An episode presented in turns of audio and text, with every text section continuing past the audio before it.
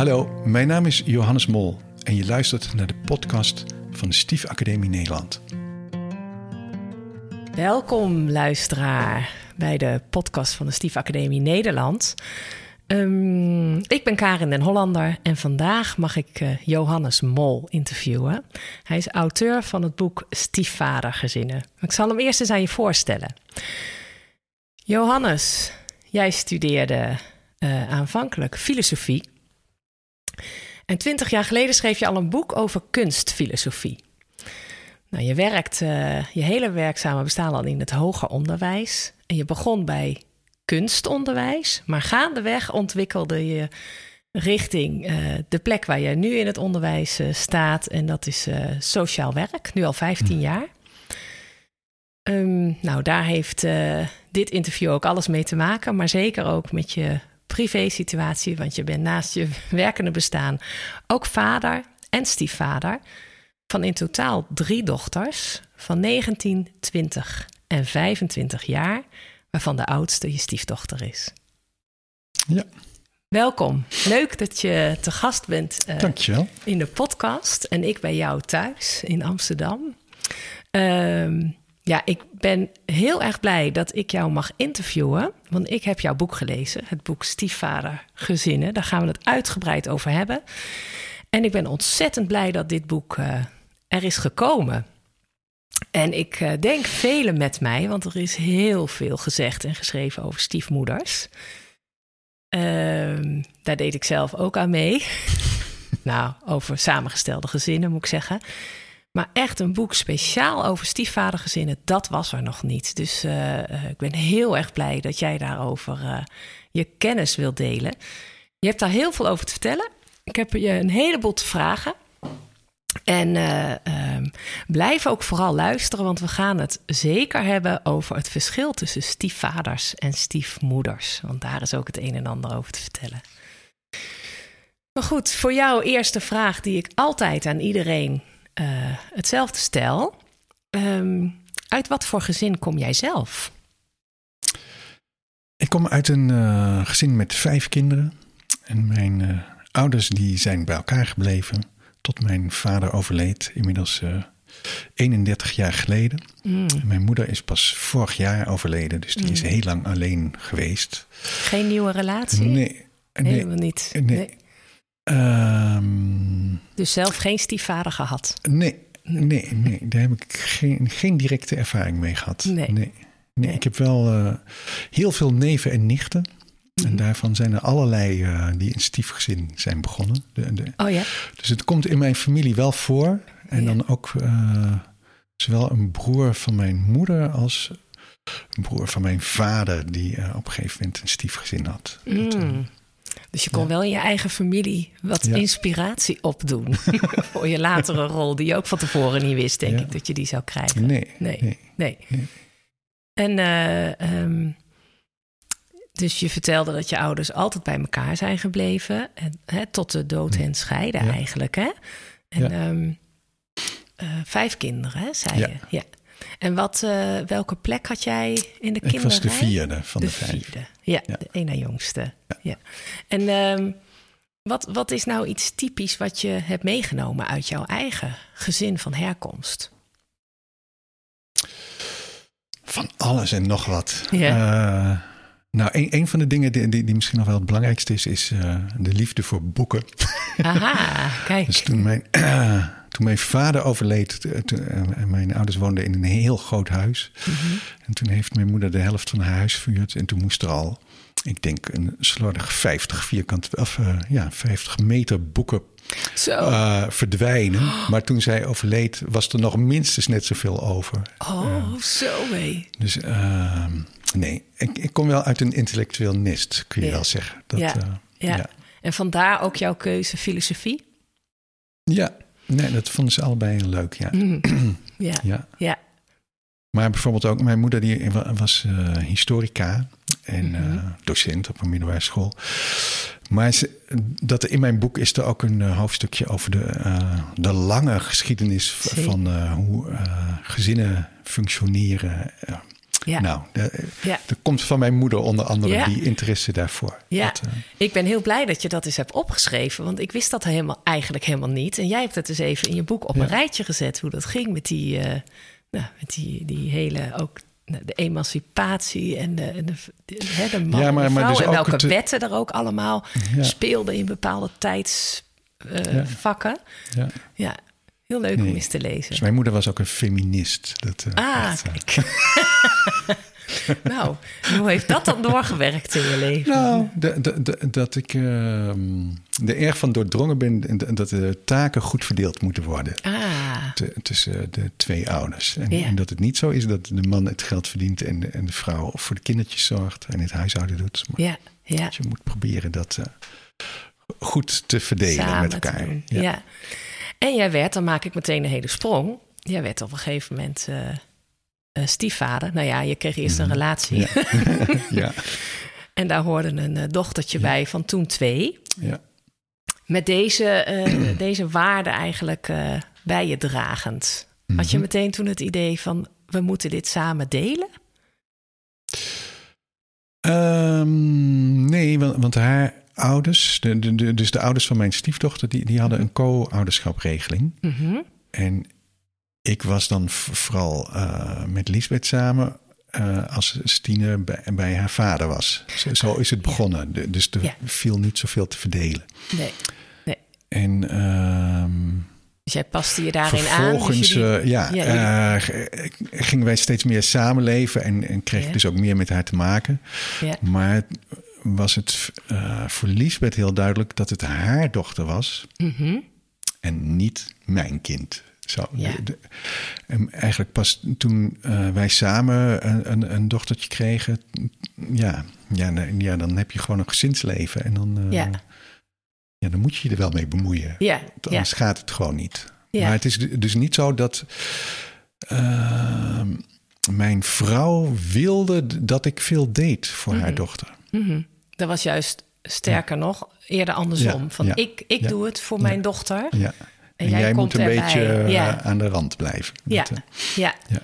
En ehm, eh, hoe vond je dat?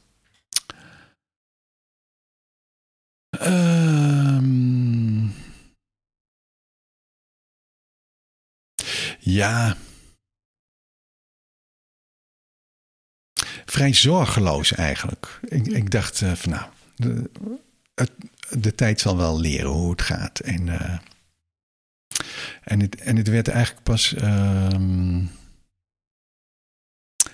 ja, la- eh, ja het, het werd lastiger te- toen we echt eh, met, met drie kinderen waren en, en Stine ook steeds meer bij ons kwam wonen. Mhm. Eh, ja, dat, dat, dat, dat het eh, conflict situaties opleverde. Van ja, maar hoe moet dat nou? En, en wat. Ja, want je had naar de oudste of de jongste twee. eh, Ja, daar was ik gewoon was de vader, vader. van. En dan hadden we het heel goed verdeeld. De- dus ik vaderde heel veel, zou ik maar Ja, zeggen. Hè? De- ja. de- dus, ja, ja, van alles. eh, eh, van in bad doen en schone luiers en, en eh, de fles geven en ehm meespelen. eh, nou ja. En dan de oudste, ja, hoe ging dat dan? daar moest je En- wat dan- in inhouden of zo. Ja, nou, en, en, en dat, dat eh, Lisbeth dan toch vond dat het meer haar dochter was. Mhm. En, en dat eh, de, dus de, de echte intimiteit hoorde meer bij de moeder, vond zij dan. Ja, Ja, Ja. Nou, dat vond ik dan wel eens lastig. ja, En ehm, ja, en dat eh, is eigenlijk altijd zo gebleven. Ook ehm, later, toen, het meer over opvoeddingen ging. Want ja, opvoedproblemen met, met een kind van 7, 8. Ach, nou ja, Mhm. dat is allemaal wel te overzien. Maar, Mhm. maar eh, ja, als, als die 10, 12, 14 wordt, dan, eh, ja, ja, ja, ja, ja. ja. dan wordt het toch eh, een, een alles van. dominantere factor in je huis. En, en dan heb je wel het idee van, ja, maar hallo, ik woon hier ook en ik wil hier ook mijn zegje af kunnen doen. Ja. En toen? Heb je toen een ander soort rol gekregen? Ja. Ehm, ja, nee, ja, het, d- daar komen we misschien later ook nog op. Maar Ja. ik, ik beschrijf in mijn eh, boek vier typen Typ- stiefvaders. ja. En in eerste instantie, eh, ja, was ik dus meer voor, voor mijn stiefdochter de, de vriend van haar moeder. Ja. En keek ik het zo'n beetje aan. En, en vervolgens dacht ik van nou, ik wilde wel meer mee te maken krijgen. En toen werd ik meer een vriendschappelijke begeleider, zou je kunnen zeggen. Ja, ja. Ehm, en ja, toen zij puber werd, toen werd ik eigenlijk meer een opvoedende man in huis. Hmm. En dat was niet helemaal mijn eigen keuze. Maar ja, zo ging het gewoon. En um, de, dat mijn stiefdochter ook wat meer afstand van mij nam, waardoor ja, de, de, ehm, de nadruk ook meer kwam te liggen op uh, ja, dat ik ineens uh, iemand was die vond dat er ook regels waren. Ja, en, ja, ja, uh, ja. ja. Nou ja. Ja. maar nu ben ik eigenlijk meer ehm, de echte vader geworden. De, de, dus ik heb eigenlijk alle vier ik wou zeggen, types er zijn vier uh, types, doorlopen. je hebt ze allemaal doorlopen. Ja, oh, dat is echt heel interessant. Ja. Dus, de, dus het, uh, ja, het zijn wat mij betreft echt hele verschillende manieren waar, waar, waarop die relatie en, en ook in het gezin hoe, hoe het gaat. Maar ik heb meegemaakt dat, dat je eh, het alle vier kan doen. En, Ja. en dat het ook niet definitief hoeft te zijn. En, ehm, Dat dat dus eigenlijk evolueert met, met eh, Ja. het groeien in, Ja. in je samengestelde gezin of in je stiefsysteem. Dat je daar dus een andere eh, rol in kan krijgen. Waar je dus zelf ook in kan groeien. ja, maar die je niet altijd zelf kan kiezen. Hmm. Dus En je, bent- je eens bent uit. er wel- wel heel. ehm, en, eh, zoals ik, als ik dat van. eh, hè, dus ik heb honderden interviews eh, en heel veel eh, gelezen van, van hoe eh, stiefvaders dat dan beschrijven. Mhm. En dat sommigen hebben een duidelijke voorkeur. En dan gaat het ook zo. Mhm. Maar sommigen zeggen ook dat ze het op een bepaalde manier willen. Maar ja, eh, moeder en stiefkind willen iets anders. En dan En gaat vader het toch wellicht ook. Nou, de, die vader die heeft er heel weinig ehm, ideeën over, lijkt het wel. Eh, en in zoverre die dat heeft, spelen die geen rol. Nee, dat was, vond ik heel opvallend in je ja, boek. Ja. En daar- dus als we het krijgen over het verschil tussen stiefvaders en stiefmoeders, dan is dat een van de belangrijke dingen. Dat, Ja. dat de vaders die. ehm, ik, ik ken heel weinig verhalen waarin de, de vader überhaupt een belangrijke rol speelt. Hè, ten opzichte van de De- stiefvader. dus de, als, als eh, de stiefvader aan het vertellen is, ja, Ja. Die, die, die vader die komt. eh, ja, ik, ik denk in 9 van de 10 gevallen alleen maar langs omdat de interviewer daarover begint. Dus Ja, ja. uit zichzelf is dat helemaal niet iets wat eh, be- zo belangrijk is dat je het daarover moet hebben. Dan en dan- ervaren ze daar dus waarschijnlijk ook geen problemen. Nee, en, en dat het eigenlijk regelmatig voorkomt dat ze het wel best met elkaar kunnen vinden ook. Mhm. Dus dat ik ook interviews heb waar- Ook waarin eh, de stiefvader meldt dat hij de vader helpt verhuizen of helpt met weet ik veel. Hè, de- Ja. eh, dat soort dingen kom ik wel tegen. Ja, Of dat de stiefvader ze samen met de vader eh, het, zijn stiefkind of kind gaat verhuizen. Van dat soort Ja, situaties. Dus dat, er is niet zoveel gedoe in het Nee. algemeen. ze gunnen elkaar elkaars plek, zou je dat zo kunnen zeggen? Ja, ja zeker. Hm. Maar, maar ze, eh, ze hebben er ook, lijkt het niet zo heel veel gedachten over. En, Oh ja. oh ja, zo werkt dat met mannen, geloof ik. Hè? de, de- de- dus het is gunnen en. eh, En daar Ja, niet te veel ook- over nadenken, gewoon niet- doen. Ja, Ja. Oh, ja dat hoezo? Dat, ja. Wat, eh, waar, waar, waar, waar- is Wat er dan moet het iets probleem of zo? zijn? Ja, Wat ja, moet hier een probleem zijn? Ja, Oh, ja. wat boeiend. Ja. Ja. ja. Nee, en, en eh, er zijn wel eh, heel wat stiefvaders die ook vinden dat, dat de vader steken laat vallen. Hm. Maar daar laten ze het dan bij. En hebben ze dan het gevoel, want dat, nou ja, dat herken ik dan nog wel uit een heleboel andere verhalen en wellicht de Mhm. luisteraar ook wel. Hebben de stiefvaders dan het gevoel dat ze daar iets in moeten oplossen of dat ze in een gat moeten springen?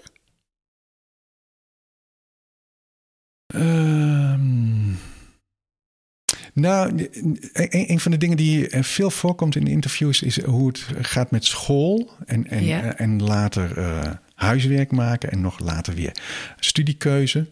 Ja. En dat eh, heel veel stiefvaders vinden het belangrijk dat, dat, dat, dat daar aandacht voor is. Mhm. En als de vader het niet doet, dan gaan zij het doen. Ja. Eh, en, en dat het dan meer komt door de moeder, dat ze zich daar door afgeremd kunnen worden. Maar als, als die moeder dat welwillend, nou, dan gaat Ja. ze zich ermee bemoeien. Ja, ja, ja. En dan heb ik nooit gehoord eh, de- de- de- van de stiefvader dat de vader daar dan niet mee eens was. Ja, ja. Ja. Ja. En, eh, ja, en, dan- en dan kan het gaan over meegaan naar een 10 minuten gesprek op de basisschool. eh, meedenken over naar welke middelbare school ze gaan. Over helpen met werkstukken maken. Over, eh, nou weet Ja, ik veel wat. ja. Maar, maar ook mee eh, naar open dagen en, en nadenken over st- welke studie. eh, Ja. Dus dat, daar zijn ze, ja, dat zien ze echt als een taak voor zichzelf. Ja, Dat, ja. eh, Ja. maar het levert geen conflict op Nee. met de vader. Dat, Nee. eh, Nee, precies. Nee, da- daar was ik inderdaad even benieuwd naar, vandaar dat ik daarnaar vroeg. Maar je begon met, eh, ja, je hebt eigenlijk te maken met, eh, met een moeilijk woord, de triade. Hè? Dus stiefvader, moeder en het stiefkind, wat eigenlijk die dynamiek eh, bepaalt. Hè? Nou ja, er zijn allerlei triades. Mhm. Want waar, waar, waar we het nu over gehad hebben, dat is eigenlijk meer de triade van de vader, de Ja. moeder en de stiefvader. Ja, Maar die triade die speelt niet zo. nee, nee. Maar waar jij nu over begint, de triade tussen de moeder, haar kind en de stiefvader, die speelt wel heel erg. En dan speelt vanuit het kind wel weer eh, de vader een rol. Mhm. De, de, de, de, eh, dus, ja, in, in dat krachtenveld, zoals ik dat noem, is, is het vanuit een, een kind is, is de vader veel belangrijker dan vanuit de stiefvader gedacht. Dat, Ja, ja. En eh, ja, dat, nou gaan we wel meteen helemaal, helemaal de diepte in. Ja. Misschien komt dat zo dan nog wel. Want ik vind het eigenlijk wel leuk om eerst nog eens even eh, wat dieper in te gaan op die vier typen stiefvaders die je in je Mhm. boek eh, beschrijft. Want dat is denk ik een uitkomst van een groot Ja. onderzoek. ja. Geloof dat je 300 interviews hebt eh, gedaan. Ja, dus uiteindelijk hebben we de. Ik, ik, ik ben begonnen om zelf mensen te interviewen. Maar vervolgens hebben ehm, heel veel studenten van mij meegedaan. Mhm. 35 studenten hebben dit eh, meegedaan eh, als hun afstudeeronderzoek. Ja, ja, En daarvoor kregen ze allemaal de opdracht om 10 mensen te interviewen. ja. Dus ik heb uiteindelijk eh 350 interviews. Echt gigantisch veel. Zo, Wat een informatie, wat een schat. En eh, ja, een gemiddeld interview is ongeveer 10 A4'tjes uitgetypt. Met sommige zijn helaas maar vier pagina's. Maar ik heb er ook een van 64. Echt. Dat was een praatgrage stiefvader of zo. nou, dat was een interview met de, de- een moeder en een stiefvader samen. Ah. En die zijn echt uren aan het praten geweest. Ja. Heel interessant om te horen. Dat, Ja. eh, Ja, want je hebt lezen. echt kwalitatief onderzoek gedaan. Ja, hè? ja, Dus echt, ja. eh, en dan moeten de verhalen allemaal verteld worden. hè? Om daar iets van een rode draad uit, eh, uit te halen. Ja. Nee, de, ehm, dus ik ben heel erg bezig geweest met, met oké, eh, je hebt dus allerlei verhalen. Hoe, hoe kun je ze ordenen? En wa- waar, waarin lijken mensen nou op elkaar en waarin verschillen ze van elkaar? Ja, ja, En ehm, uiteindelijk viel het me op dat, dat in die verhalen van die stiefvaders zijn er twee ehm, onderwerpen die ze zelf he- heel belangrijk vinden, waar, waar ze altijd eh, het over gaan hebben. Mhm. En de een is eh, de, de mate van contact en, en de, de, Mhm. eh, de aard van het contact wat ze hebben met, hun stiefkind. Mhm. En de ander is eh, het gezag wat ze hebben. Mm. Ja, De- dat vinden ze allebei hele belangrijke onderwerpen. ja, ja. En ehm, als, je, als je dan kijkt naar, naar de aard van het contact, dan kan dat zijn van. eh, nou ja, ja ik, ik heb een partner, daar ben ik helemaal dol op. En zij heeft een kind, maar haar kind. Ja. Ik laat het verder. En ja, als dat kind bij mij komt, vind ik het best leuk. Maar ik, ik, vanuit mezelf hoef ik er niks mee. Ja, ja, ja. Eh, en je hebt eh, stiefvaders die, die, eh, ja, die raken helemaal geïnvolveerd in dat kind. En, en die, zijn- die zijn ontzettend mee bezig. En ehm, eh, vinden er van alles van en willen er van alles van en, en voelen er van alles bij. En, nou ja. Ja. En, en dat, is, dat is echt een enorm verschil. Ja, ja. Maar ik, ik zie dat dan als een soort eh, as, zeg maar. En dat je Ja. aan de ene kant heb je eh, minimaal eh, interesse en minimaal contact. En aan de andere kant heel veel interesse en Ja. heel veel contact. Ja, ja, ja. Nou, en dan aan de andere kant heb je een as en die gaat over de mate waarin zij zich bemoeien met de opvoeding. En eh, heel veel stiefvaders maken dan een onderscheid tussen of ze zich bemoeien met eh, hoe het in huis toe gaat. En eh, hè, of, je, of je je spullen opruimt en, en eh, of je moet helpen met afwassen, dat soort dingen. ja. En dat vinden ze dan huisregels. En dat, Ja. ja, dat- dan hebben ze meer het idee van, nou ja, dat, we wonen met elkaar in één huis, dus daar mag ik me mee bemoeien, want ja, dit is ook mijn huis. Ja. Maar opvoeden, dat gaat echt over de dingen van het kind zelf. Mhm. En dat gaat over bedtijden en over mobiel gebruik en over uitgaan en eh, nou, dat soort Hoe dingen. laat je thuis moet komen, Ja, dat ja. soort dingen. Ja, En uiteindelijk ook over wie eh, die regels handhaaft en wat er gebeurt bij overtreding. ja, ja.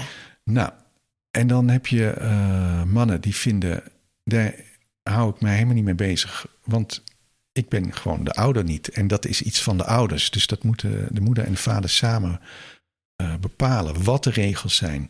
Wat er gebeurt bij overtreding. eh, nou, al dat Ja. Maar je hebt ook mannen die zeggen van ja, eh, dat vond ik ook dat dat iets was van mijn vrouw. Maar zij deed het niet. Oh Dus ja. ben ik het maar gaan doen. Oh ja, ja. En daarmee maak ik mezelf niet populair, maar het is wel nodig. Mm. Mm. Nou, en dan ontstaat er een hoop gedoe, zoals je je kan voorstellen. Ja, ja, ja. Ehm, eh, maar goed, de, de, ehm, de, w- want je vraag was eigenlijk Ja. van hoe kom ik nou aan, aan die vier typen stiefvaders? Ja, nou ja, en dan heb je dus die twee assen. aan, aan, de, aan de ene kant eh, geen, geen of weinig contact, aan de andere kant heel veel. En je wel bemoeien met de opvoeding of juist niet. Nou, dat, dat zijn eh, twee assen. Als je die dan eh, haaks op elkaar zet, dan, Ja. krijg je vier kwadranten. ja, En, de, Ja. en dat bleek vrij aardig eh, als, als een soort schema te zijn om, om de stiefvaders in te plaatsen. ja. Dus niet dat ze heel hun leven zo blijven, hè, wat bij mijn verhaal al duidelijk is geworden. Mhm. Maar wel, als ze nou nu moeten beschrijven hoe, hoe ze nu hun relatie met hun stiefkind ervaren en, en hoe ze het nu doen, ja, dan kun je ze vrij aardig daarin een plaatje geven. Ja. Dat, eh, ja. En is dat een beetje evenredig verdeeld over Nee, die vier nee. kwadranten? eh, Misschien moet je ze eerst even ja. uitleggen. Welke Ja, vier de- de- stiefvaders ja, zijn er? de- de- Ja. Dus je hebt eh, de meest eenvoudige, dat, dat is de, wat ik dan noem de vriend van moeder. Dus dat Mhm. is de man die, die eh, zegt van ja, ik, ik ben eh, eh, de partner van deze vrouw. En, en wij, eh, eh, wij hebben het heel goed met elkaar. Mhm. En we leven wel met haar kind of met haar kinderen in dit huis. Maar ja, het zijn haar kinderen en, eh, en zij, zij doet het geweldig. Ja. Ze heeft, mij helemaal niet nodig. En ja. ik, ik, ik hoef hier niks in. Nee. Van mijzelf niet en van mijn partner ook niet. Of het waar is, dat weet je dan niet. maar zo, zo, Ja. zien zij dat zelf. Dat het, ehm, Ja. Eh, dus dat, dat is de partner van moeder. Dan, Ja. dan heb je ehm, eh, helemaal het tegenovergestelde. En dat is de man die zich heel erg betrokken voelt eh, bij de kinderen. En he- alles doet ook in de opvoeding. En die noem ik de echte vader, met echt tussen aanhalingstekens, omdat ze zelf ook weten van ja, ik ben niet, niet de echte vader, maar Ja. Zo voelt het wel en, en zo gaat het ook. Mhm.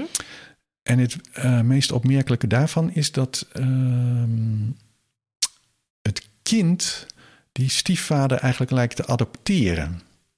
Ah, De- de- dus in plaats van dat die man het kind adopteert, lijkt dat kind uit te drukken van ik wil jou ook als mijn vader. ah, ja, ja.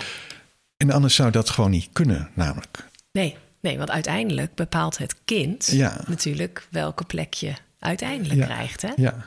Nou ja, Of- of het je kan alles willen niet, geven, maar, maar maar, het, als het kind het niet wil, dan Nee. gebeurt het gewoon niet. Jij mag Zo- alles geven, maar het kind mag wel zelf bepalen of het het wil kind mag het ontvangen. wel- ja, precies. Ja, ja, ja. precies. Ja. Nou, dus dat zijn de twee uitersten. Ehm, ja, van de mensen die, waarvan ik interviews heb, komt de eh, vriend van moeder vrij weinig voor. Mm. Maar ik denk ook, ja, die vinden het waarschijnlijk niet zo interessant om geïnterviewd te worden. Dus dat zegt. Mm. Die voelen zich ook helemaal geen stiefvader.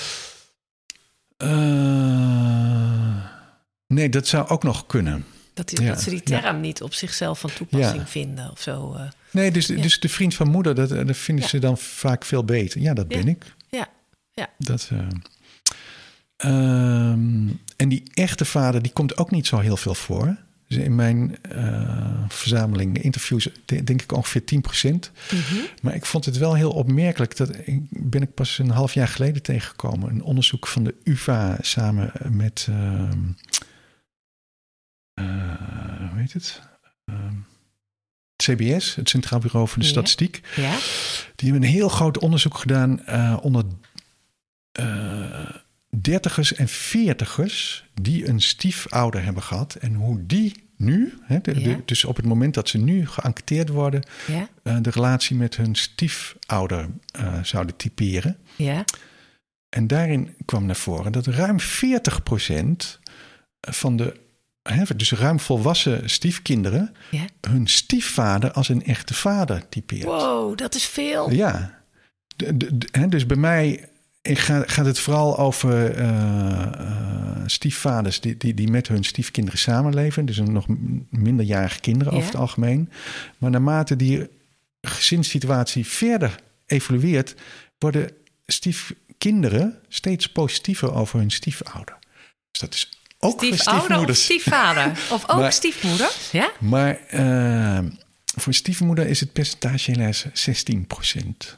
De, En de, de- de- dat- dus de stiefvaders worden veel positiever eh, ervaren, ook door volwassen kinderen, dan stiefmoeders. Het is hard, maar waar. opvallend, ja, ja. Ja, En dat betekent dus dat maar 16 procent, ja, dat is ook al mooi, dus eh, van de volwassen stiefkinderen naar hun stiefmoeder kijken en die als een echte, Echte tussen moeder. aanhalingstekens moeder ja, ja, omdat ervaren. ze, oh, ja, omdat ze, Ja. ja. ze hebben ook een moeder, dus het is een. eh, ja, ja. Maar- maar, 40 procent, ik ben Ja. helemaal verbaasd dat het zoveel is. Ja. Nou, ja, mooie, mooie reclame voor de stiefvader. ja. ja. Ehm, maar goed, en daar heb ik er pas over twee, twee ja. type stiefvaders gehad. En er zijn er nog twee. En een daarvan, die noem ik eh, de vriendschappelijke begeleider. Mhm. En, en dat is de man die zich wel heel betrokken voelt bij zijn stiefkind. Mhm. Maar eh, bij voorkeur niet gaat opvoeden. En, en dat is ook heel interessant, wa- want er zijn ook allerlei mannen die melden dat ze van hun vrouw te horen krijgen: Wil jij nou niet eens even op je strepen gaan staan? Ik vind dat zo moeilijk. En jij Ja. kan dat gewoon. Ah, ja. En die mannen die willen dat eigenlijk niet. Die denken dan, ja, eh, hallo, dan krijg ik de zwarte piet... en dan wordt mijn relatie met jouw kind wordt geschaad. Eh, hè, want ik, ik mag... eh, Ik mag hier grenzen trekken. ja, en vervolgens krijg ik dus ook alle agressie naar me toe... ter- terwijl jij dat eigenlijk moet doen. Of, of de vader van die kinderen. Ja. Ah, ja. Ja. Ehm, dus de, ja, dat vind ik een heel interessant verschijnsel. De- Ja. de- dat je dus mannen hebt die eh, zien van het is wel nodig... maar het is niet mijn taak. Ja. Jouw taak en jij Ja. moet dat doen. Ja. Ehm, en dan heb je de mannen die zeggen van... eh, ja, het is weliswaar een taak van de moeder en, en de ouders... maar die doen het niet, dus dan doe ik het. Want, Mhm. want dit kind heeft het nodig. Ja, ja. En, en dat, dat vind ik eigenlijk nog wel eh, het, het meest opmerkelijke. En die noem ik dan de opvoedende man in huis. Ja. Ehm, dat er heel veel mannen zijn die, die vinden dat, dat, dat de moeders te toegevelijk zijn. Mhm. En dat het dus wel moet. Hm. En dat is de helft van mijn interviews zijn dat soort mannen. En, Zo. en dat betekent dus dat uiteindelijk die moeders dat accepteren. En dat is ook heel interessant. Dat, dat, want op het moment dat die moeder het niet zou accepteren. Krijg je eh, gedoe. ja, en, en dan kun je je gewoon voorstellen hoe dat gaat. Eh, moeder, stiefvader en kind zitten aan tafel. Stiefvader zegt: En nou moet dit eens afgelopen zijn. Mhm. En op het moment dat die moeder duidelijk maakt van- kind, eh, laat die man lullen. dan heeft stiefvader het verloren en dan Ja. knalt die relatie uit elkaar. Dus dat er zoveel stiefvaders zijn die echt opvoeden, dat zegt dat, dat er heel veel moeders zijn die er eigenlijk wel blij mee zijn. ja, ja. En dat vind ik ook een heel opmerkelijk Zo. gegeven. Zo, zo, ja. En als je dan bedenkt dat, dat dus ruim 40% van, van, van de, de, de 40 uiteindelijk positief kijkt naar hun stiefvader. Ja, dan zullen er ook heel veel van die opvoedende Van die mannen in huis. Ja. Misschien ben ik dat zelf ook wel. Ja, ja. Maar je zegt ondertussen ook nog iets heel belangrijks. Want dat betekent dus ook, wil dat slagen, dat er veel moet gebeuren tussen moeder en stiefvader. Ja, Meer waarschijnlijk dan tussen Daar stiefvader het- en vader. Maar dus tussen Ja. moeder en stiefvader Ja, moet het daar, meeste daar moet het gebeuren. En, en wat zijn nou ehm, goede tips daarin? Hoe, als er een stiefvader en een moeder luisteren nu hiernaar, wat zouden ze nou, waar zouden ze goed aan doen om het eens met elkaar over te hebben? Ehm, nou, een, een van de me- meest elementaire dingen is eh, dat iedereen zich gezien wil weten. Mhm. En dat. eh, in, ja, ik, ik heb heel erg de indruk dat, dat in stiefgezinnen iedereen veel eenzamer is dan in een kerngezin. En dat het ermee begint. Luister naar elkaar. Mhm. En, en dat is iets anders dan. ehm, eh, ja, maar je kan toch alles zeggen wat je wil? Mhm. Dat is iemand uitnodigen om je verhaal te doen, uitnodigen om te vertellen eh, wat er in jouw ogen goed gaat en wat er niet goed gaat en waar je het echt moeilijk mee hebt. En dan Mhm. gewoon luisteren. En eh, dat eh, het erkend worden in dat jij het zo ziet en dat dat mag, dat Mhm. helpt al gigantisch. Ja. Ehm, dus, dus de erkenning zou je kunnen zeggen. Ja. Eh, ik, ik, ik denk dat dat eigenlijk het allerbelangrijkste is. Dat, dat, dat ieder eh, gezien wil worden en erkend wil worden in dat, dat zijn of haar beleving er ook toe doet. En dat hij Ja. er mag zijn. En, en dat dat nog niet eh, wil zeggen dat het dan vervolgens de bepalende beleving wordt. Maar Mhm. wel, oké, die ervaring is er. Ehm, en dat je dan dus eigenlijk drie belevingen naast elkaar hebt. Die van de moeder, het kind en de stiefvader. Ja, we gaan En- er even voor het gemak even vanuit dat we één kind hebben. Ja, anders wordt het wel heel ja, ingewikkeld. Sommigen hebben er misschien bij elkaar wel tien, maar even één voor het mag. Ja, Ja. Ehm, ik neem even een slokje. Tuurlijk. Ehm, nou ja, dus dat, dat is mijn eerste tip. Nodig elkaar uit om je verhaal te doen. En Ja. ehm, heb er niet meteen een oordeel over, maar accepteer gewoon het als verhaal. En En, dan, en dan, want eh, ehm, ik had het over een tip tussen de moeder en de stiefvader. Hè, van hoe, Mhm. hoe ga je nou die taken goed verdelen? Want daar lijkt het grootste succes eh, Mhm. op uit te komen. Maar je zegt eigenlijk ook, je haalt meteen eigenlijk ook het kind erbij. Dus hè, er, erken alle drie de posities hierin. ja. Ja. Ja. Ja. Nee, en, en, dat is een, en dat is gewoon heel moeilijk. Want je. ehm, er- zijn eh, een heleboel frustraties. En ehm, ja, zoals wij mensen in elkaar zitten, dan hebben we toch meer de neiging om naar elkaar te wijzen en elkaar Ja. te beschuldigen. Ja, ja. In plaats van eh, te proberen te begrijpen waar dat gedrag nou eigenlijk vandaan komt. En eh, wa- waarom iemand nou eigenlijk Ja.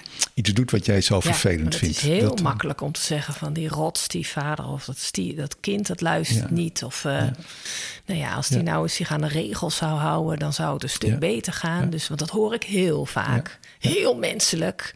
Het is zo heerlijk om iemand naar iemand te kunnen wijzen. Wat heel veel gebeurt volgens mij in stiefgezinnen. Ja. Ja. Nee, de, de- dus dat is een van mijn belangrijkste punten eigenlijk. Eh, geef elkaar niet de schuld, maar geef de schuld aan het systeem. Ah, en leg die eens uit. Ehm of we, uit het algemeen he- hebben we de neiging om ehm, ehm, te reageren op iemand. Mhm. En dat, dat we ook begrijpen wat, wat er gebeurt. Ja, dat, dat komt omdat jij doet nou dit en ik reageer nou op wat jij doet. En dan zeg jij weer ja, maar jij doet dat. Ja. Maar dan zitten we in, in een één op één relatie. Mhm. Eh, mijn gezin is niet één op één. Bij een gezin zijn er minstens drie. Ja. En, ehm, en vanuit het kindgezin minstens vier. Want eigenlijk hoort en bij een stiefvadergezin ook nog de vader erbij. Die, Ja. Vanuit het kind hoort hij er gewoon bij. Dus die Ja. kun je niet weglaten. Eh, en, en als je vanuit een kind wil begrijpen wat er nou eigenlijk speelt, Mhm. dan, dan moet je dus die vier eh, personen, alle vier eh, m- meehoren en meewegen om, om te begrijpen eh, hoe, hoe ziet de wereld van het kind eruit en, en, Ja. en hoe komt die tot bepaald gedrag. Ja, dus het gaat niet alleen om die drie mensen die Nee. in één huis wonen, maar ook Ja, degene die er Ja. niet woont, maar Ja. wel onderdeel is van het systeem. In dit geval vader. Nou, en dan is een, het kenmerkende van een systeem dat er. ehm, er zijn dingen die aan de oppervlakte spelen. En er zijn dingen die in de, meer in de diepere lagen z- Mhm. zich afspelen. En die noem ik dan maar krachten. Ja, ja. En zo ben ik ertoe gekomen om het te hebben over een krachtenveld. Mhm. Wat er in een gezin speelt.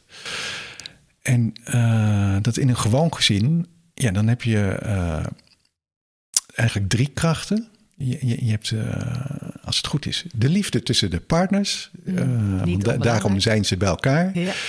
En dan krijgen zij samen een kind. Mhm. En dan komen er van de ouders naar het kind twee krachten. Aan de ene kant van de ouder naar het kind toe een besef van verantwoordelijk zijn. ja. En aan de andere kant, als dat kind opgroeit, dan ontstaat er loyaliteit van het kind naar de ouder. Ja. Nou, deze drie krachten die blijven gewoon bestaan. ja. Eh, ook al valt een gezin uit elkaar, die drie krachten die leven rustig verder. Je blijft altijd ouder en je blijft altijd kind. Ja, en je blijft altijd ex-partner. Ja. Dat is ook heel ingewikkeld. Mhm. Maar als je, zon, als je een relatie hebt zonder kinderen, dan, dan kan het uitgaan en dan kun je iemand Ja. vergeten, als het ware. Maar als je samen een kind hebt, ja, dan blijf je aan elkaar verbonden als partners in de zin van ex-partners die samen ouder zijn. En dat is heel ingewikkeld. Ja. Maar dat maakt dat die, die, die relatie tussen de exen, die is gewoon integraal onderdeel van het stiefgezin. Van het krachtenveld ervan. Ja. Dus ook al heb je het er nooit over met elkaar, Ja. die kracht die werkt gewoon. Ja. En dan heb je de nieuwe liefde tussen de, de nieuwe partners. En dan is het ingewikkelde eh, dat in het krachtenveld het dan vervolgens zo is dat eh, er een besef van verantwoordelijk zijn is van hè, bij een stiefvadergezin van de moeder naar haar kind Ja. en loyaliteit van het kind naar haar moeder of zijn moeder. Maar hoe dat nou met de stiefvader zit, ja, dat is niet zo duidelijk eigenlijk. En dat is, En het is er niet onbepaald. meteen. Ja. En het kan groeien, maar het hoeft niet te groeien. Ja. En het kan ook de verkeerde kant op groeien. Ja. Ja. Dus er kan van alles. ja. Eh, nou ja, de- dus er zijn sowieso in, in een stiefgezin meer van die fundamentele krachten, om, omdat de, de, de relatie tussen de exen blijft bestaan naast de nieuwe liefde. ja. En daarnaast is er eh, ja, zeg maar een soort eh, ongelijkheid, omdat de relatie tussen de moeder en haar kind duidelijk is, en tussen de stiefvader en eh, zijn stiefkind niet. Ligt helemaal open nog. Ja, Ja. Du- Ja. du- dus je hebt een ingewikkelde krachtenveld. En ja, als je, als je dat eh, als een systeem beschouwt waar je, waarin jij je dingetjes doet. En iemand doet iets wat jou niet zint. En je wijst dan naar die persoon die dat doet. Ja, dan lijkt het net alsof je het bij de oorzaak hebt. Maar de oorzaak van ons gedrag, ja, dat komt toch meer uit de diepte dan. dan eh, hè, want, Ja. want het gaat heel vaak over, nou doe je het weer. Ja, dat is toch ook zo?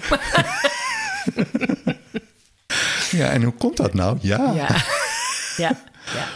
ja. Dus wat je zegt is, de, de, de, het krachtenveld gaat echt de diepte in bij ieder... eh, Maar die is er gewoon de hele tijd. ja, ja, ja, Of je je daar nou van bewust bent of niet, dat doet er helemaal niet toe. Maar dat speelt gewoon de hele tijd. ja.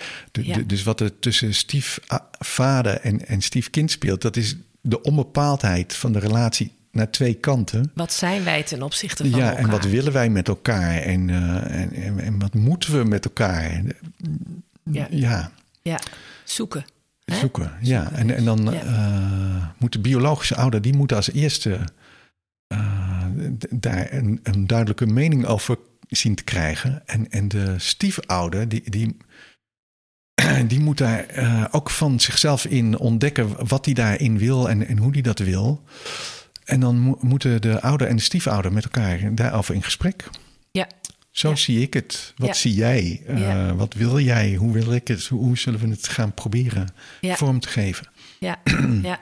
Kom je toch ook weer neer op communicatie, wat natuurlijk ongelooflijk belangrijk is. Ja, maar ik, ik, ik, vind- communicatie altijd een moeilijk woord, wa- want eh, jij doet het alweer. Dat is ook communicatie. Ja, ja zeker. Ehm, ja. maar bij eh, je moet communiceren, dan, dan gaat het er meer om. eh, je moet de ander vragen te zeggen wat, wat er in hem of haar leeft. Mm, Dat is goede communicatie. mhm, mhm. Dus als we, je moet elkaar meer bevragen. Dat, Ja, dat lijkt me beter dan Ja. we moeten meer communiceren. Want eh, ja, ja. En, en om dat er nog even bij te halen waar je mee begon, en dan luisteren en erkennen. Ja, Hè, ja, Dat is natuurlijk wel zijn cruciale woorden. Ja, ja. ja.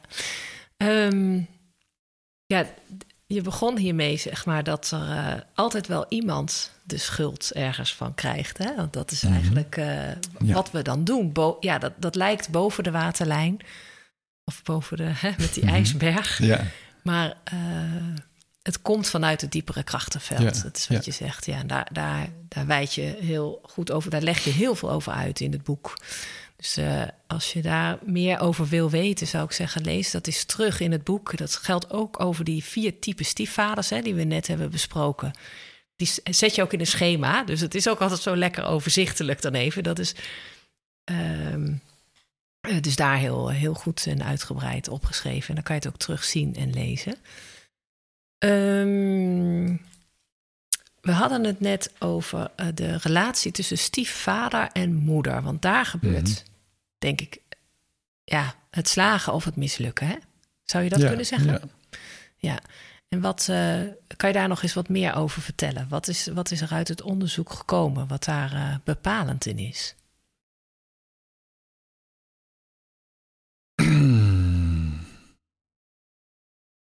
Nou, e- een van de dingen die heel erg meespeelt, dat is geduld. Hmm. Dus de, eh, de stiefvader moet veel geduld hebben. en dan moeten ouders sowieso.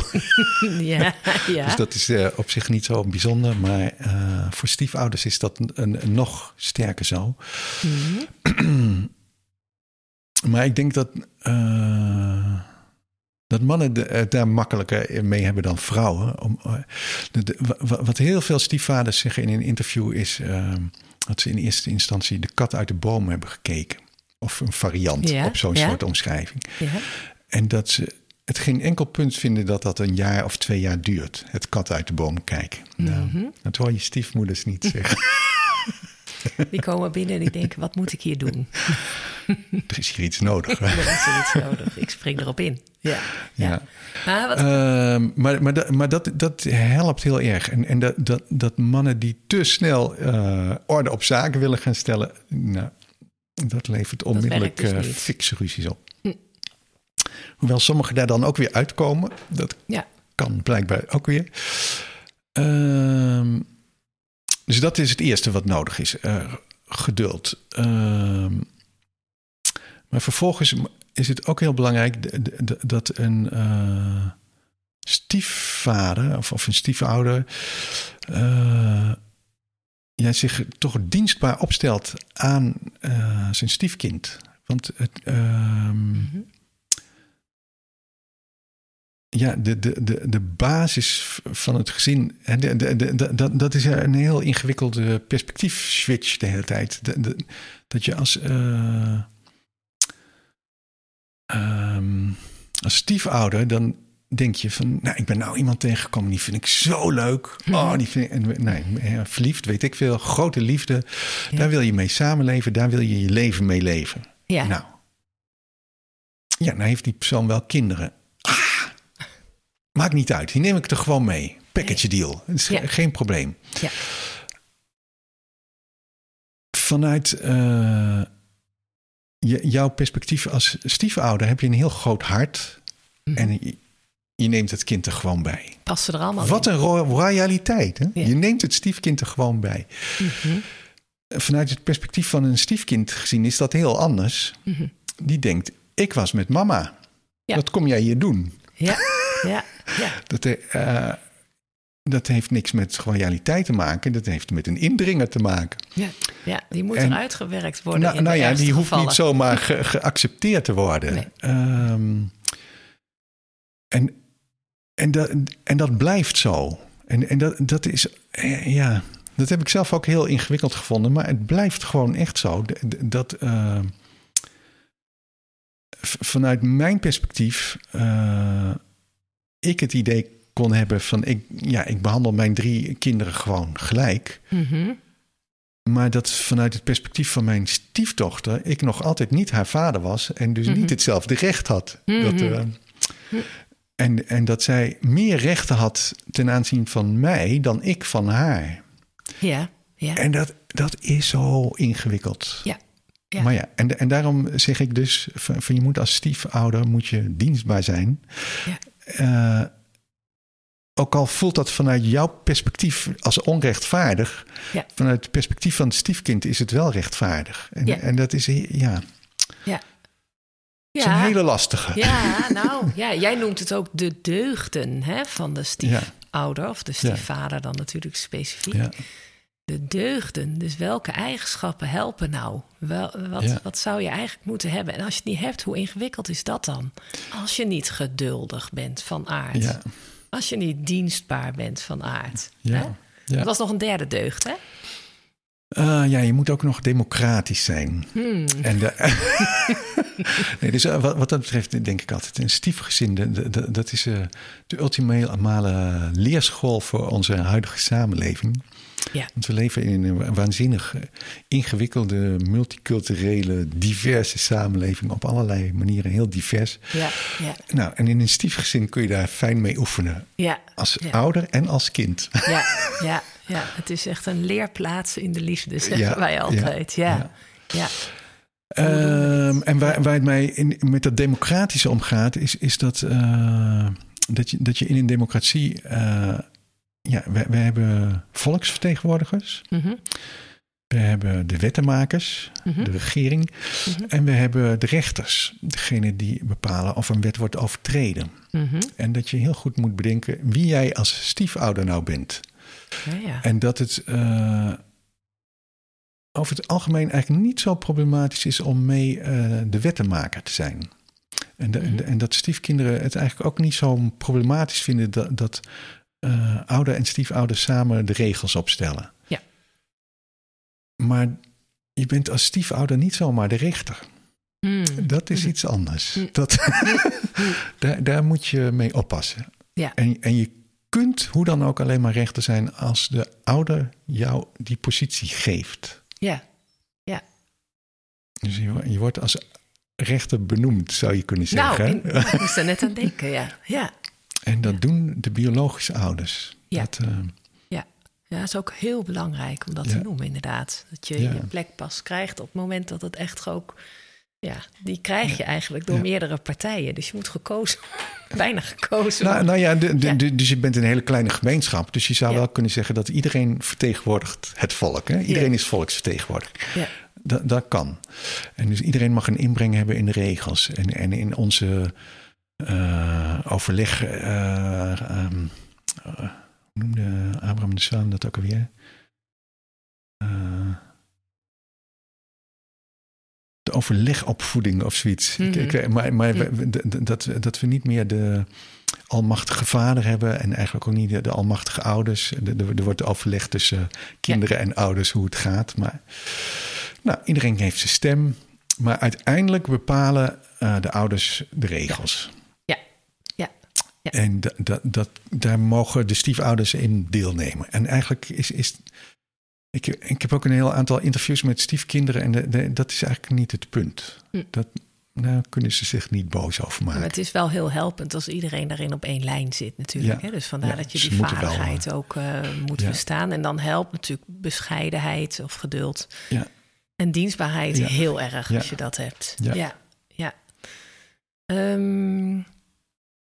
Eh, nou had ik net een vraag in mijn hoofd en nou is die er weer uitgeschoten. Maar dat geeft niet, want ik heb nog een heleboel vragen.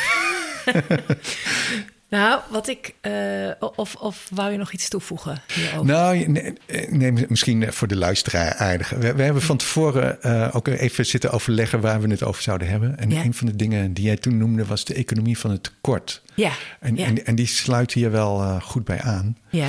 wat mij betreft. Ehm, want je kunt eh, op basis hiervan duidelijk zien dat, dat een stiefouder komt gewoon tekort. Mhm. Want, je, want je bent aan de ene kant eh, draai je vol mee eh, als volwassene in het gezin. Jij moet mee zorgen dat dit gezin kan functioneren. Ja. Dus je moet meezorgen voor inkomen, je moet meezorgen voor het huishouden. Je moet, je- nou dat moet je op de een of andere manier met je partner regelen, dat dat allemaal goed is. Het klinkt voor mij als geven, geven, geven. Ja, Ja? en eh, daar horen niet de rechten van een biologische ouder bij. En, dat, en dat is heel pijnlijk. Dus je, je moet Mhm. eigenlijk hetzelfde geven als een biologische ouder, maar je krijgt niet hetzelfde. Nee. En met name van je stiefkinderen hoef je helemaal niet zoveel te krijgen. En, Nee. ehm, en als je nou ja, dat bedenkt, van de, dat is gewoon het systeem. Je bent in Mhm. een systeem gestapt en daar Ja. heb je voor gekozen dat jij structureel, dus niet incidenteel, maar structureel kom jij tekort. Ja. Nou, als Daar- je daar van tevoren voor zou kiezen, zou je er misschien niet aan beginnen. Maar Ja. je komt daar gaandeweg Ja. achter, hè? Ja, Meestal. ja, ja, dus je kiest dus voor een tekort. ja, je kiest voor een structureel tekort. Structureel, ja. Ja. Ja. Nou, en dat is lastig. Ja, Maar je moet iedereen erkennen. Dus als je nou kijkt naar het stiefkind, Mhm. dan zie je van ja, het stiefkind leeft niet met beide biologische ouders. Nee. Nee. En dat is ook structureel zo.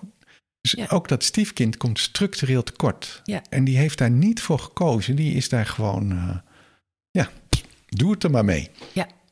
Ehm, en als je bedenkt dat 9 op de 10 eh, stiefgezinnen eh, het gevolg is van een scheiding, Mhm. gekozen door een van de ouders. Dus dan hebben de ouders van dat kind hebben gekozen om uit elkaar te gaan. Mhm.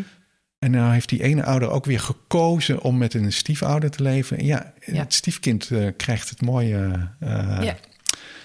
eh, bordje van, nou, doe het er maar mee. Ehm, dus het stiefkind komt ook echt structureel tekort. Ja.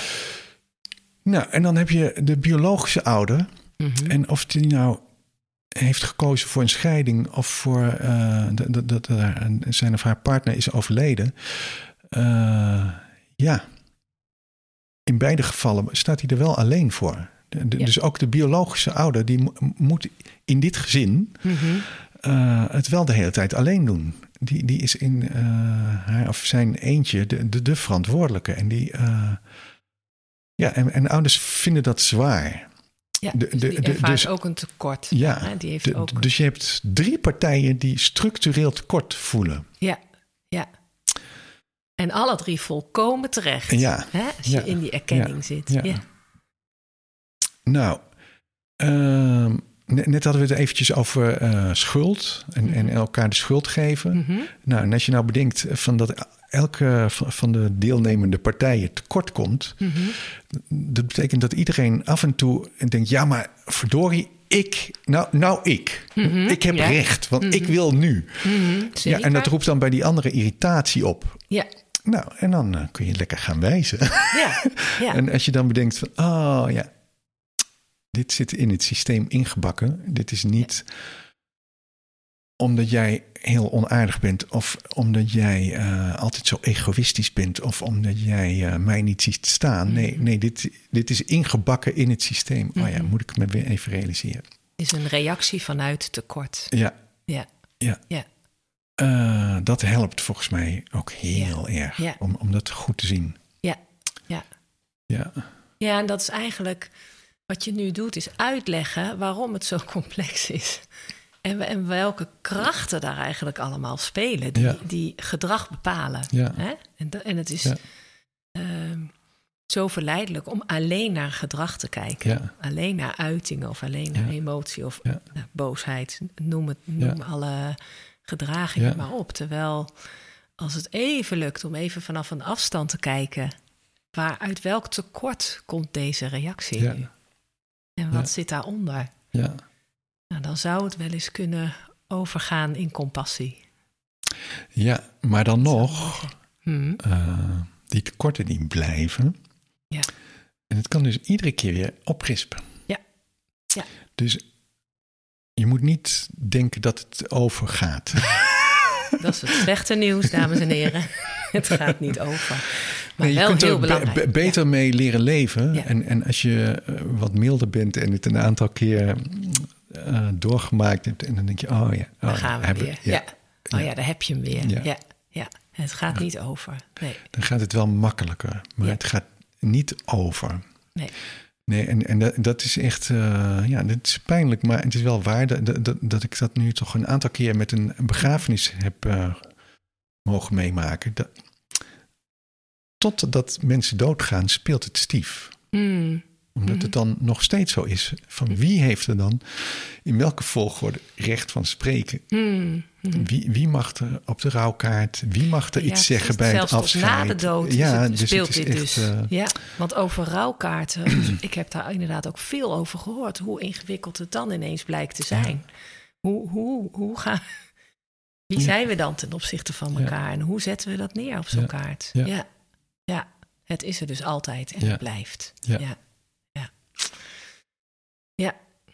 En dan, ja, en dan nu ehm, de vraag die ik eigenlijk, waar ik de hele dag al zin in heb, om aan jou te stellen. Ehm, jij hebt je heel, heel erg verdiept in stiefvadergezinnen. Hè? mhm. En eh, nou hoor ik natuurlijk heel veel stiefmoederverhalen.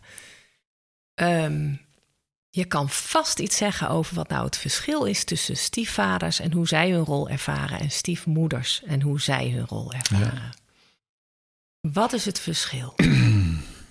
Ehm, met een zekere slag om de arm. Want ik, ik heb veel minder interviews met stiefmoeders dan Mhm. met stiefvaders. Maar Mhm. ik eh, spreek wel veel meer met stiefmoeders dan met stiefvaders. En met moeders. Met moeders en stiefmoeders. Mhm. Dus dat, dat, dat, blijft toch een interessant gegeven. Dat, dat ook eh, nu alle, alle reacties op het verschijnen van mijn boek... het zijn bijna allemaal stiefmoeders. Die op je boek Ja, reageren. Ja. Eh, de, de, dus dat is het eerste duidelijke verschil. Stiefmoeders zijn er veel meer mee bezig dan stiefvaders. Ja. En hebben veel meer behoefte om erover te praten. Mhm. Ehm,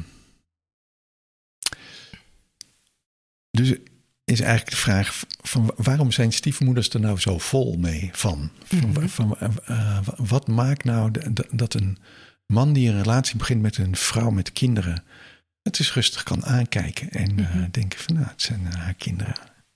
Leuk. Ja. Ah, schattig. Of Ja. oh ja, puber. Oh ja, oh ja.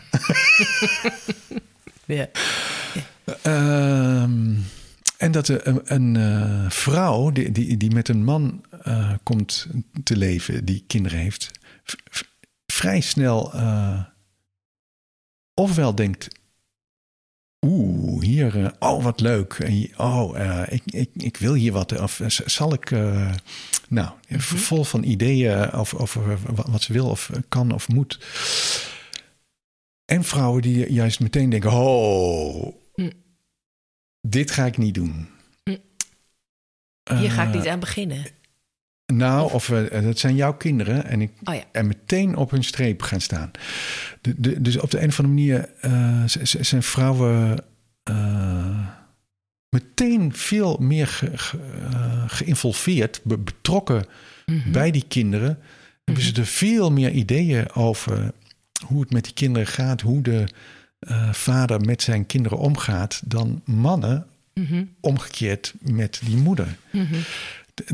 Dus eh, ze zijn er meer mee bezig. Eh, ze praten er meer over, maar ze hebben er ook veel meer oordelen over. Oké. Ehm, ik. Bij, mij op school is, is er een lectoraat ouderbegeleiding. En een, een van de dingen die, die zij gedaan hebben is onderzoek naar uh, waar halen uh, moeders hun informatie vandaan en waar halen vaders hun informatie vandaan. Mm -hmm. En het bleek dat bij moeders, uh, die halen verreweg de meeste informatie bij hun eigen moeder, mm -hmm. bij vriendinnen. Mm -hmm. Uh, bij deskundigen. Nou, dan komt er nog een hele ring. En op plaats 10 komen hun partners. Ah, oké. Okay. Dus uh, voor moeders zijn moeders een, een, hele belangrijke informatiebron. En, en, ja. en die, die uh, praten daar ook veel met ja. elkaar over. Ja. Dus die halen je, hun informatie. Ja, als je nou bij vaders. Bij. Op plek 1 moeders. Hm. Ah, interessant onderzoek. Ja. Uh, en bij vaders kwamen hun vaders eigenlijk nauwelijks aan de orde. Oh, dus er is sowieso, en, en, en ja, of het in de aard van het beestje zit of cultureel bepaald, uh, wie, wie zal het zeggen. Maar in ieder geval in onze samenleving is het zo dat vrouwen zijn bezig met kinderen, zijn bezig met opvoeding, praten daarover met hun moeder, met hun zussen, met hun vriendinnen. Ja. Vaders praten minimaal met hun vaders over het vader zijn, weinig met hun broers, weinig met hun vrienden. Uh, hm. Ze praten daar met hun vrouw over. Ja, ja, ja. Uh, waar, waaruit je dus kan zien dat, dat in het uh, privéleven van vrouwen spelen kinderen een enorme rol. En in mannen hun leven een beperkte rol. Die zijn met hun werk bezig en met sport en met uh, ja. weet ik veel wat allemaal. Politiek. Hm. Um, de, dus dus de, ja, er is gewoon een, uh, een verschil in uh, perceptie van de wereld, zou je kunnen zeggen. Ja.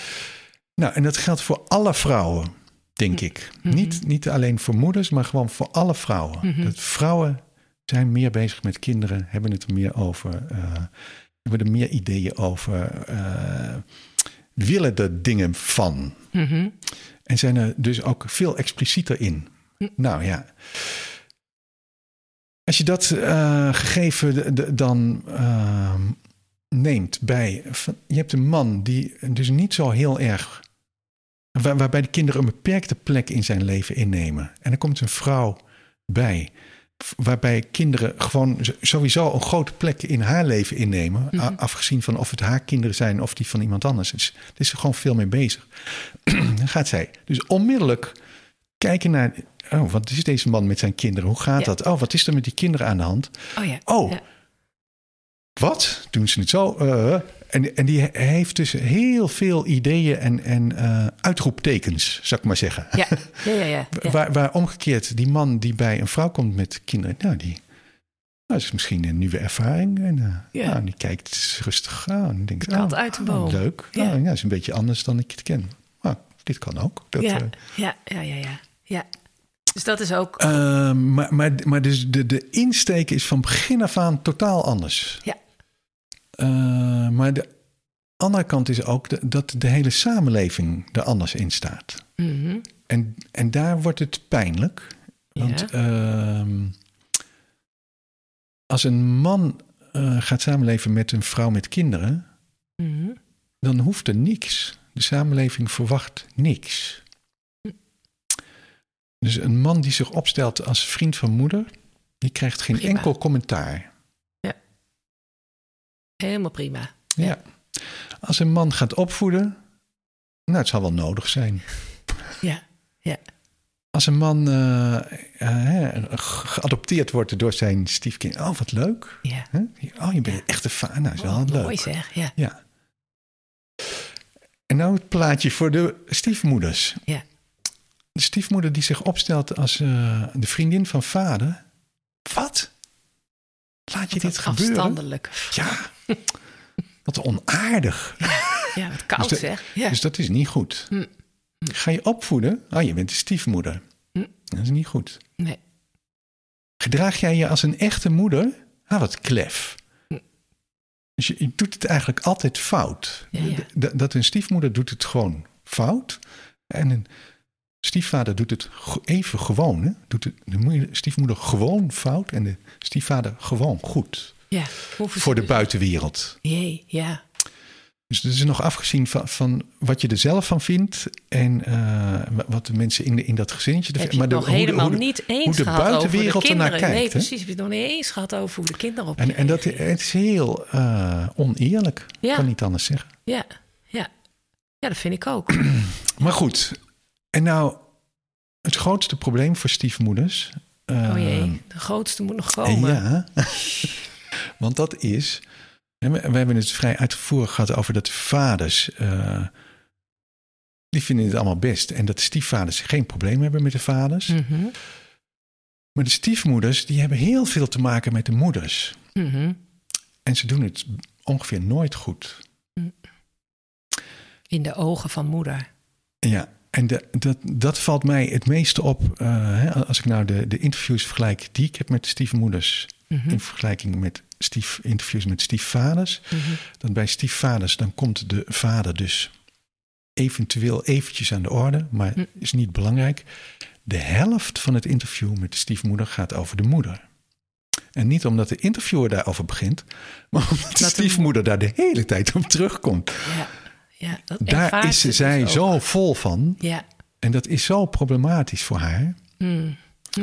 Welke rol ze ook inneemt. En, en, de- en dat is. eh, Wat ze ook doet, ze doet het nooit goed. Ja, en maar dat zij dus ook het. Zij ervaart wat er in.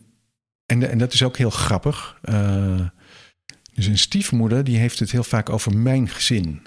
Mhm. En de stiefvaders hebben over ons gezin. Oké, ja. Eh, ja. Ja. Dus de, de stiefmoeders die hebben toch de neiging om eh, het gezinsgebeuren. Naar zich toe te ik trekken. ga daarover. Hm. Hm. En de, ja, de stiefvaders die, nou, die eh, voelen daar veel meer ruimte om, om dingen te doen. maar om, omdat vrouwen eh, zoveel meer de neiging hebben om, om, om het gezinsgebeuren naar zich toe te trekken, ja, dan voelen ze ook meer dat, dat, dat die moeder daar iets in doet en gaan ze daar ook eh, op reageren. Dus er- zijn heel veel, ik denk bijna al die stiefmoeders die melden dat ze appen met, die, met de moeder. Ja. Of, of dat gedaan hebben en ermee gestopt zijn. Of dat ze ermee mailen. Of dat ze ermee willen overleggen. Toen die mannen die, die zeggen van ja, nou dat gaat eigenlijk via mijn partner. Ja, nee, en als vader hier komt, ja, nou, drink een kopje koffie of zo. Of Ja. of ja, ik breng de kinderen regelmatig. Nou, dan praten we wat prima verder. Mhm, mhm. Ehm, Kan je dan zeggen dat de stiefmoeder eigenlijk te veel doet? Te veel en dat denk ik wel, ja. te veel naar voren stapt. Maar het lastige is wel en dat, taken op zich neemt. dat die- als ze dat niet doet, dan ze voelt onmiddellijk een maatschappelijke druk en, Ja. en eh, dat je, dat, je- dat je verontwaardiging. Maar ik zou, als, als ik stiefmoeder was geweest, dan zou ik denken: eh, laat die maatschappelijke druk voor wat die is. En, Ja, doe wat Het- voor jou goed is. ja, en Ja. wat er hier in dit gezin nodig is. En heb het er heel veel met, met je eh, man over. Eh, hoe zit het? Hè? En dan de trias politica. Hè? Van, Ja, ja. van eh, ik wil best met jou regels opstellen, maar jij bent hier de, de wetgever en jij bent in principe de rechter. Dus die, taak die wil ik gewoon niet. Nee, Misschien over een paar jaar wel, dat zien we nog wel, maar voorlopig niet, want die is niet aan mij. dus dat kan, kunnen stiefmoeders ook van stiefvaders leren. Ehm, door niet meteen die rol op zich te Ja. nemen. En die bij vader te laten. Of als vader hem nog niet goed eh, te pakken had. Om hem daar terug te leggen. Ja. Of, hè, om, Ja. om hem daarop te wijzen. Ja. Ja, en, en dan moet ik ook weer even aan die drie deugden denken. Hè? Dus, dus dat je je bescheidenheid en je geduld daarin ook. eh, of, of dat je eigenlijk een stapje achteruit Ja, zou mogen doen hè? Ja. Als, als, als stiefmoeder. Dat, die is wel vaker voorbij gekomen Ja. hoor. Maar dat, dat stiefmoeders dat kunnen leren van stiefvaders. Van kijk maar juist wat meer de kat uit de boom. In plaats van dat je meteen denkt dat je die kat moet redden. Ja, Hè? Ja, ja. Ja. mooi. Nee, en, en dan is er. Ja, dat, dat, dat, is gewoon lastig. Want, en, en ik ben er zelf nog niet zo goed over uit wa- wa- wat nou de aard van het beestje is en wat de normen van onze cultuur zijn. Maar Mhm. Ehm, in ieder geval is het nog steeds zo dat eh, de verzorging, dat is iets van moeders. Mhm. En dat er, eh, ja, een, een stiefgezin met jonge kindertjes, dat moeders meer de neiging hebben om te gaan zorgen. Mhm. Ja, zit je met je feministische opvoeding. Wat was jouw moeder ook weer? Ja, ja, Ja. eh, en toevallig vond ik dat ook. Ik vond het heel leuk eh, om, om eh, kindjes in bad te doen en nee, Ja. ermee te rommelen. En, Dus het verzorgen vond je zelf ook fijn. maar ik hoefde dat lang niet zoveel. Dus ik, ik, ik weet nog wel dat, dat, dat, eh, ik, ik vond het ook eh, prima om weer snel aan het werk te gaan en zo. Dat, eh, dus ik, om, om het weekend en één dag daarnaast gewoon helemaal vader. Het, en dan, genoeg? als ik dan thuis kwam naar mijn werk, dan ging ik wel weer van alles doen. Maar dat Ja. er één dag was voor opa en oma en dat de crash er ook nog een paar Ja. dagen was. Ja, ja. Ja. maar heel veel vrouwen die vinden het gewoon fijn om met kindertjes eh, eindeloos te tutten. En Ja, en als dat nou zo is, Ja. hoe moet dat dan in een stiefmoedergezin? Ja. Ja, en dan denk ik toch, ah, daar moet veel over gepraat worden. Ja. Ehm, en dan in eerste instantie tussen de stiefmoeder en de vader. Ja. Van, eh, ja, wat wil jij? En, en als er dan gedoe komt met de moeder, vader, dan moet jij met je ex het daarover hebben. Dan Mhm. moet je niet mij met je ex. Hm. Hm. Want het is jouw pakje aan. Ja. Ja. De- de- de- dus het is ook een, een eh, gebrek aan assertiviteit, zou je kunnen zeggen, van de stiefmoeders. Dat ze wel assertief zijn naar hun kinderen en naar de, naar de moeder, maar niet naar hun partner. Zo, wat een boel eh, tips kan je hieruit halen. En ook, ja, Want, want, Wat- want dat valt mij op, dat, dat, dat zeker de helft van die interviews die ik dan heb met stiefmoeders, ja. die stellen zich naar hun partner op als degene die het wel eventjes gaan uitleggen. Mhm. En dan denk ik, Hm. oeh, Hm. misschien klopt het inhoudelijk, maar het is relatietechnisch heel onhandig. Ja, ja. ja, en ik hoor toch ook wel, ehm, ook nog wel veel, dat gaat dan de hele tijd door mijn hoofd, want ik kan daar een heleboel reacties op geven. Hè? Moeders willen ik. toch meer zorgen, of vrouwen willen toch meer zorgen. En ehm, dat zal de biologie en de evolutie wel zo hebben uitgewezen en jouw onderzoek. En ik weet zeker dat er luisteraars zijn en die zeggen van ja, maar ho eens even. Hè, dit is wel heel st- eh, stereotypering Ja, wat je ja. hier doet. Ehm, maar goed, maar we zijn al een dik uur aan het praten. Dus ja, nee. Jeetje. ja, dat is, we hebben echt een boeiend onderwerp te pakken. Dus eh, daar ga ik nu niet, niet meer verder op in. Maar eh, hier is zoveel nog over te vertellen, denk ik. Hier Ja. kan je nog zoveel meer over, eh, over kwijt. Ehm, maar ik denk dat het zeker interessant is dat degenen die dit horen en hier meer over willen weten, want je hebt er gewoon echt uitgebreid eh, over geschreven en ook over het, over het onderzoek wat je hebt gedaan, ehm, ja, dat die er goed aan doen om dat boek van jou eens te lezen. Nou, die vind je sowieso op de boekenplank op de website van eh, de Stiefacademie. Dus dan is het eh www.stiefacademienederland.nl en dan klik je bij aanbod op boekenplank en daar vind je het boek van Johannes Mol. Ehm, ja, ik wil jou eh, voor nu heel erg hartelijk bedanken voor dit gesprek. Ik hoop dat ik een beetje, dat wij samen een beetje het Ja. palet hebben besproken wat je zo over wilde brengen. Ja, Tenzij nee. er nog iets is echt dat je zegt van nou, Karin, daar hebben we het niet over gehad, maar dat moet ik echt kwijt. Nee, nee, ik, ik ben eh, heel blij met, Ja? met wat ik heb kunnen vertellen. Dus, Nou, eh, ik ook. Ik ook. Ik vond het heel interessant. Ik denk ook erg nodig om het eh, eens een keer goed over de stiefvaders te hebben. En stiekem toch ook over de stiefmoeders natuurlijk. Ehm, dus ik wil jou heel erg bedanken voor jouw bijdrage hieraan. En eh, eh, ik wens je heel veel succes met je, met je werk. doet hartstikke mooi werk. En met je boek dat het ook maar veel gelezen mag worden. Vooral door stiefvaders. En dat er mooie gesprekken tussen partners over uh, gevoerd gaan worden. Dankjewel. Dankjewel.